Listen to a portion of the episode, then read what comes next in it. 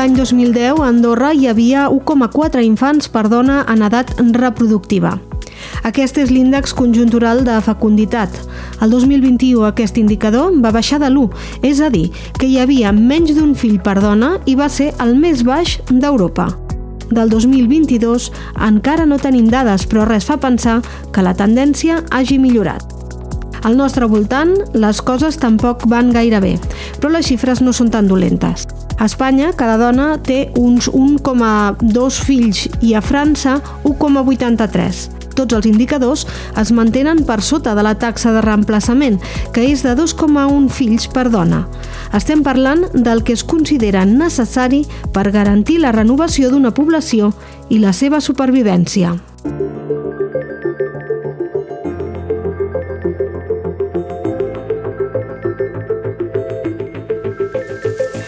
Hola, sóc Esther Pons i això és l'Altaveu a fons. Avui ens preguntem per què cada vegada neixen menys nens a Andorra? Joan Micó és el cap del Departament de Sociologia d'Andorra Recerca i Innovació. A les dades que tenim d'Andorra, objectivament, ara estan neixent la meitat de nens que neixien fa, fa 10 anys però fa 10 anys neixien pocs. Vull dir, estem en una societat, neixien pocs en relació a la gent que podia tenir fills. No? Què ens ha passat amb aquests 10 anys, o sigui, fa 15 anys? Que nosaltres teníem aquesta piràmide d'edat, que ara sembla un pentàgon, no? pues abans era com estava molt... O sigui, teníem la base estreta, perquè tenim pocs fills, i teníem una, una, un percentatge molt ample de cohorts de 40-55 anys que podien tenir fills. Llavors la relació, tot i que havia, la natalitat no era tan, tan baixa, però la relació és que es tenien pocs fills en relació amb la gent que podia tenir fills. Amb aquests 10 o 15 anys que han passat, en general ens hem envellit, vull dir que, que hi ha menys proporció de població que pot tenir fills i encara tenen una mica més de fills perquè la taxa de fecunditat ha baixat. La taxa de fecunditat són el número de fills de mitjana que, poden, que, que tenen les, les, les dones que estan en edat de tenir fills, que en Andorra, Andorra està al 0,99, així, ara, en aquest l'any passat.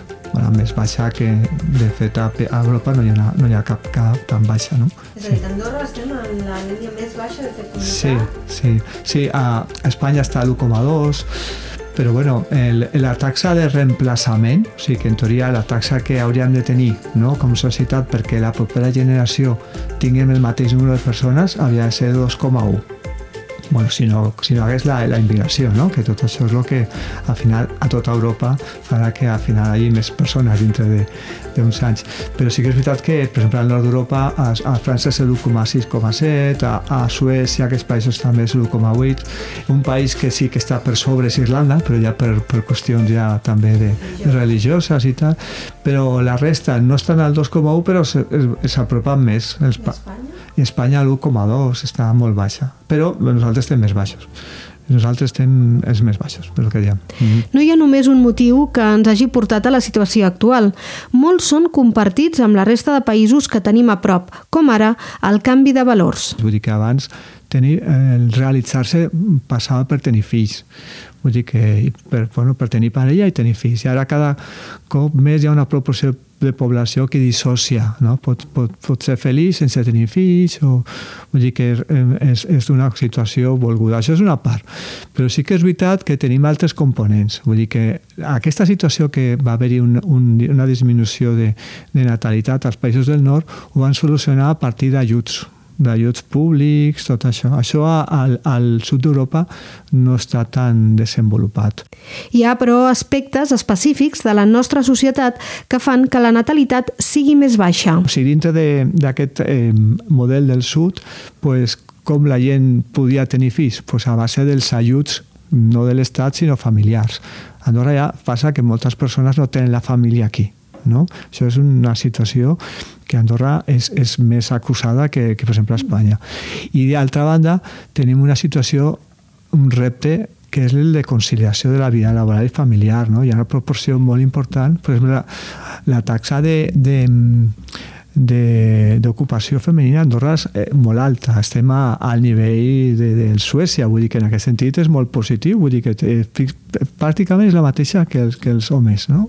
Però tenim la, la dificultat que molta proporció de població i moltes dones i homes també, però molta, i tal com està encara les, les diferències de gènere, pues treballen els caps de setmana, no? I això també significa que... que i, I a més, Andorra és un país que necessita treballar els caps de setmana perquè, perquè venen molts turistes, vull dir, també és difícil de solucionar això, no? bueno, total que com a conseqüència fa que, que, que clar, això dona molta pressió a les famílies per poder, per poder tenir fills. Si a més a més això ho relacionem amb que la vida no és barata, a, a, clar, això fa que al final el resultat sigui pues, a, a, aquesta conseqüència.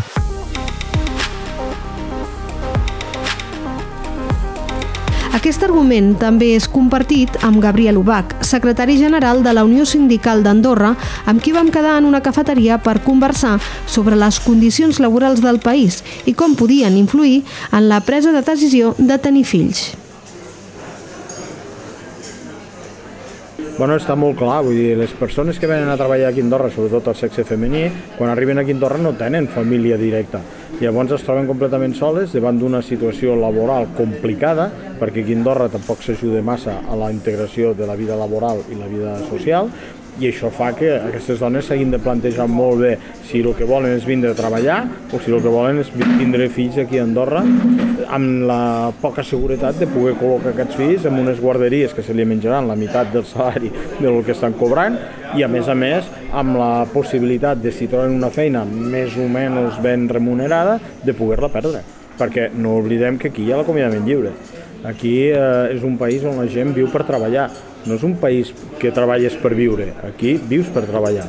I si mirem la majoria de la gent treballadora, sobretot de les dones, doncs fan jornades entre 8 i 10 hores diàries eh, i, i, no tenen temps material per poder dedicar-se a, a, lo que és la família i a més els salaris no estan acorde amb el nivell de vida del país. Moltes d'aquestes dones han de fer dos i tres feines i jo conec moltíssimes, no? Dones de neteja, inclús dones que treballen al matí en un lloc i a la tarda en un altre. Llavors, clar, això fa que, clar, ens donen aquestes xifres tan fantàstiques que té el govern, que diuen que el salari mitjà aquí a Andorra és de 2.200 o 2.300 euros. A més, sí, però per quantes hores? Això és el que no s'especifica. Però per 40 hores setmanals, jo ja puc dir que ni, avui en dia la majoria dels treballadors d'Andorra estan sobre 1.300, 1.400 euros com a molt Llavors, clar, una dona que es trobi amb 1.300-1.400 euros i a sobre amb l'espasa de Mocles que si es queda embarassada pot ser acomiadada pel sol fet de quedar-se embarassada, pues això complica molt. I a més a més, si, si és prou valenta per tirar això endavant i tindre un fill, una vegada haurà tingut aquest fill, on col·loca el fill el primer any de vida d'aquest nen? Vull dir, perquè clar, tampoc no hi haurà res que l'acompanyi.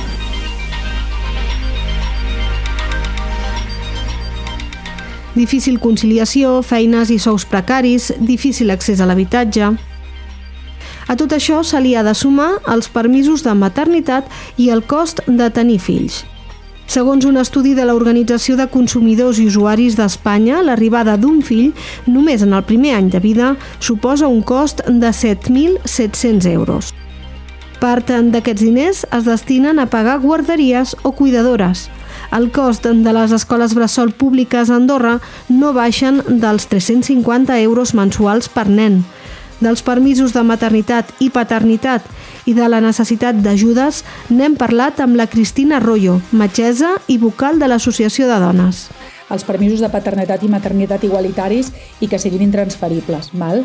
És una de les coses que ens preocupa molt perquè, perquè a Andorra sí que tenim una baixa uh, de 20 setmanes, que és correcte comparat amb altres països, creiem que no és suficient del tot, però en comparació amb el pare que eh, només té un mes. Eh? Eh, sí que és transferible, de forma que eh, podem acabar donant permís al pare en detriment de perdre permís la mare, no? Amb la qual no és una manera de conciliar ni de retorn a la feina fàcil per, per, per la dona, no? Perquè estàs, estàs enganxat de mans. Si li transfereixes a la teva parella, tu redueixes i si te la quedes tu sol, el pare no participa en aquest procés i tu eh, tens més dificultats per la conciliació. Jo crec que és un tema superinteressant l'hem debatut i és interessant perquè fins i tot dins els grups de les, de, de les mares eh, hi han visions diferents. Eh? però sí que és una cosa que ara que estic molt envoltada de mares, no? que, sí de que, de, que acaben de tenir fills eh, i sobretot mares amb, amb feines de moltes hores, és molt, molt complicat la conciliació. I l'altra cosa que hi ha és que les ajudes que rebem per aquesta conciliació, clar, són difícils, no? Eh, has de buscar molta ajuda privada, que moltes vegades doncs, eh, és cara, no? Uh, evidentment les guarderies i tot doncs, han de pagar. No tothom té els mitjans per poder pagar doncs, eh, cangurs o, cangur, o, o, o guarderies privades, per tant això és un punt limitant. Per tot això, Gabriel Ubach reclama la gratuïtat de les guarderies. Les guarderies haurien de ser gratuïtes i, i són les empreses jo no dic que una empresa hagi de tindre cada empresa la seva guarderia, però sí que es poden juntar empreses per poder tindre la guarderia pels seus treballadors. Eh que canviaria bastant la història? Només amb això. Ja la cosa ja es veuria d'una altra manera. No, és que Clar, són uns 400 euros. Claro, si tu resulta que estàs cobrant per dir alguna cosa 1.300 euros i 400 has, has de pagar de guarderia, per això em quedo a casa. O no tinc fills, o no tinc fills, que és el que fa la majoria. UNICEF, en la presentació del desè Observatori de la Infància, va demanar posar la qüestió de la baixa natalitat al centre del debat polític i social. De moment, però, no se'n parla gaire, si més no com a tema únic i central. Què es podria fer per millorar les xifres? Montserrat Ronxera, des de l'Institut de la Dona, ens ha proporcionat alguns exemples. Eh, per exemple, doncs, a Alemanya eh, han, ho han estat treballant moltíssim.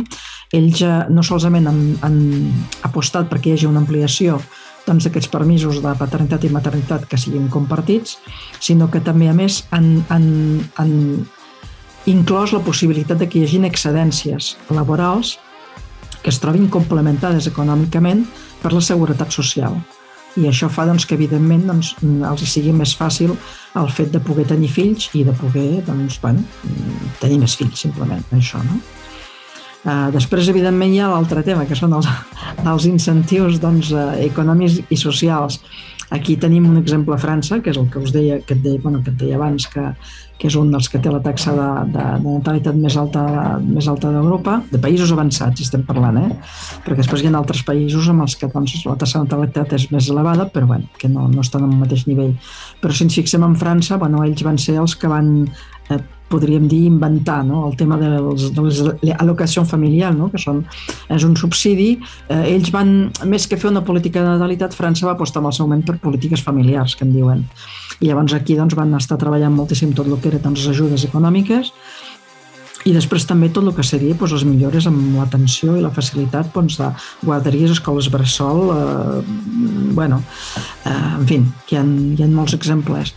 Aquí també podríem agafar un altre exemple, que és un altre país, que és Hongria, que tot i que no està dins del que serien els països més avançats, sí que estan fent eh, des de fa un parell, bueno, des de l'any passat, des del 2021, estan fent una política de natalitat i familiar doncs, molt important i ells fins i tot han arribat a exonerar impostos a les dones que puguin tenir, que puguin vulguin tenir fills, és a dir, que tenen, tenen un temps de carència amb el que no, no paguen impostos, i a les famílies que vulguin tenir fills, fins i tot, els hi fan uns préstecs amb, amb interès zero que poden de ser de 5 a 10 anys o 15 anys.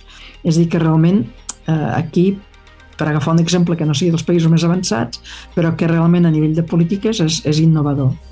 Tampoc es pot obviar el canvi cultural i de valors que comentàvem al principi. La incorporació de la dona al mercat laboral, a feines qualificades i la manca de mecanismes que permetin la conciliació fa retardar la decisió de tenir fills i, per tant, també provoca que se'n tinguin menys. Cristina Arroyo posa el seu cas particular com a exemple. En el meu cas, eh, jo fins als 35 no hauria pogut tenir fills, perquè fer una residència, fer un doctorat, eh, jo vaig estar voltant bastant, vull dir que és impossible amb un bebè. Bueno, no és, no és impossible. Uh, hi ha companyes meves que ho tenien, però a costa de eh, no fer tantes guàrdies, a costa de no fer un doctorat, a costa de no fer...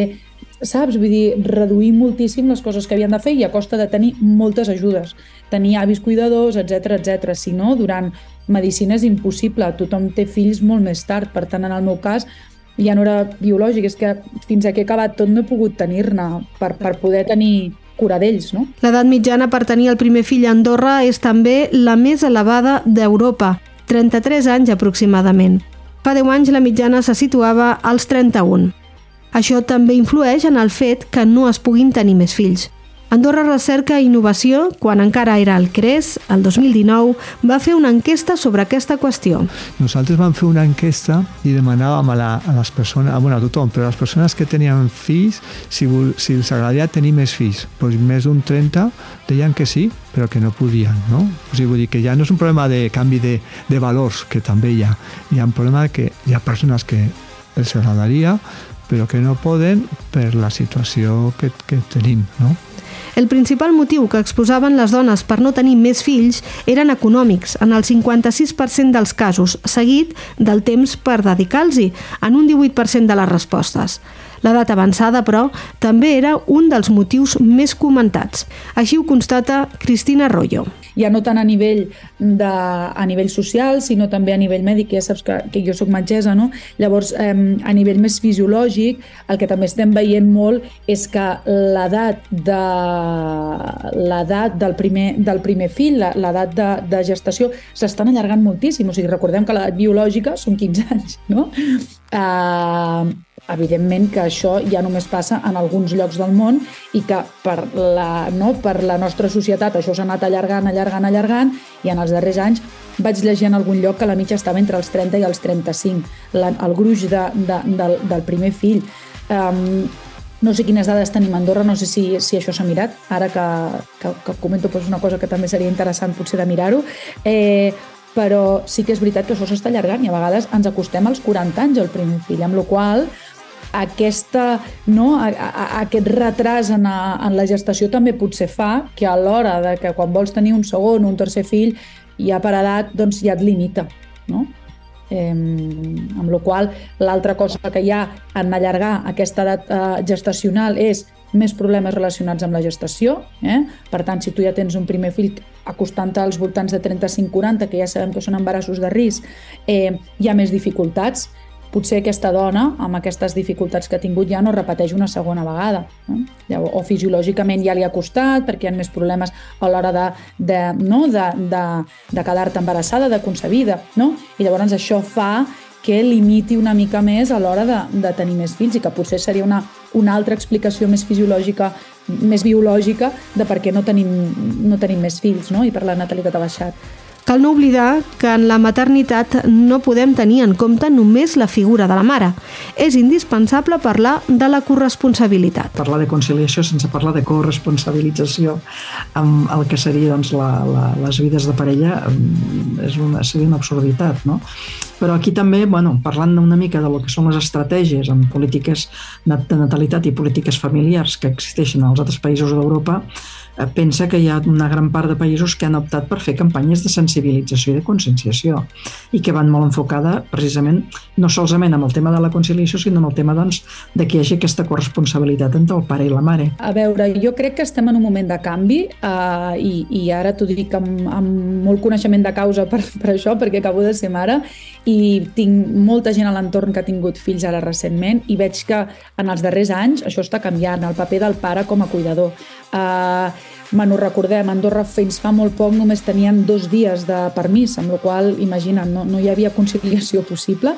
Uh, ara estem parlant d'un mes i han, més enllà d'aquesta naixença, sinó dels primers anys de vida que diem, jo veig que els pares cada vegada estan agafant un rol més de cuidador i de més participatius en la, en la criança. Eh?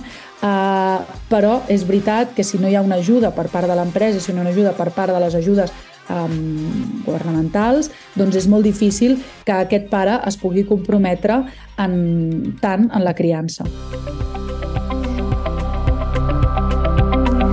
I per aconseguir millores en la corresponsabilitat, en la igualtat d'oportunitats i en les condicions per permetre que augmenti la natalitat, Ronxera, des de l'Institut de la Dona, ho té clar. Aquí és evident no? que, que estem en una, bueno, en una economia liberal i, per tant, costa moltíssim en aquest sentit doncs, incidir directament eh, a les empreses i obligar-les a, a, a, a actuar d'una determinada manera o d'una altra, no?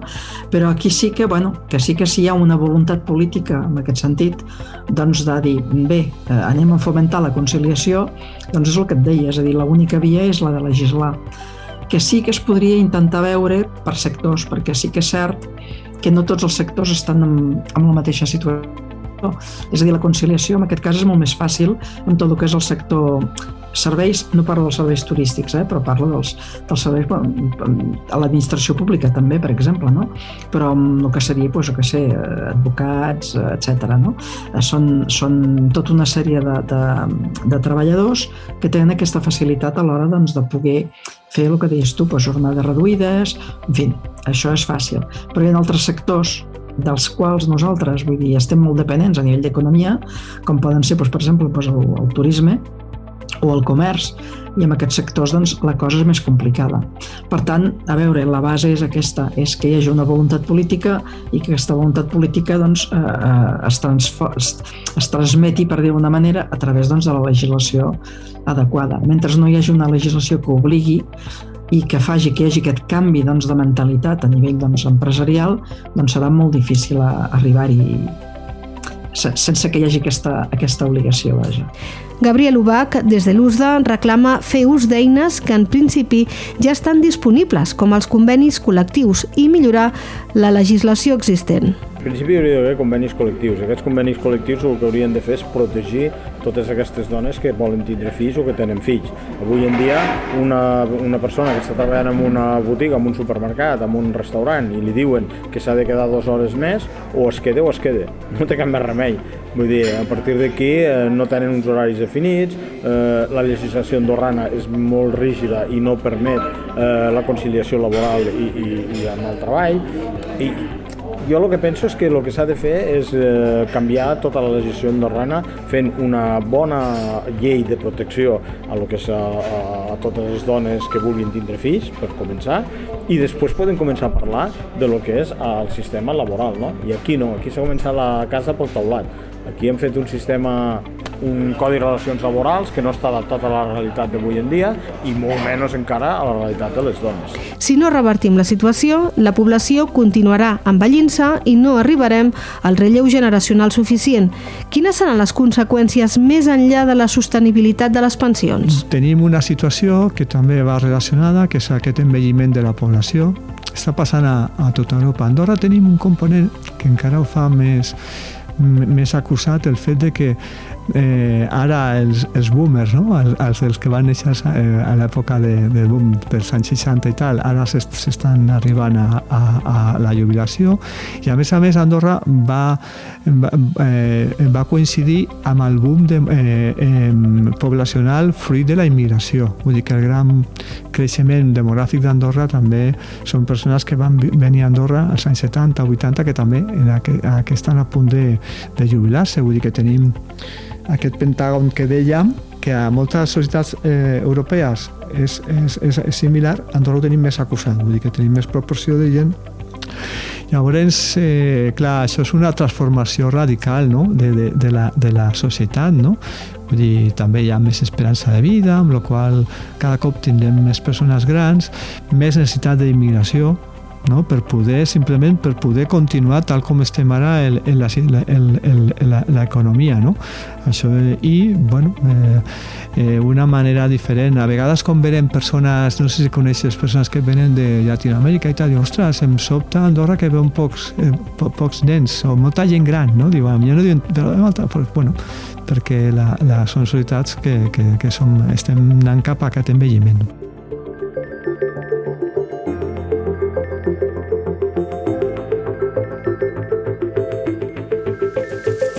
Les conseqüències seran socials i també econòmiques, sistemes de jubilacions que no funcionen, més immigració per garantir la força de treball, cohesió social més complicada. Tots els entrevistats coincideixen. Les polítiques per fomentar la natalitat haurien de formar part de l'agenda política. Ben aviat podrem comprovar els programes electorals si els partits també ho consideren. Això ha estat l'Altaveu a fons. Aquest episodi l'ha realitzat qui us parla, Esther Pons.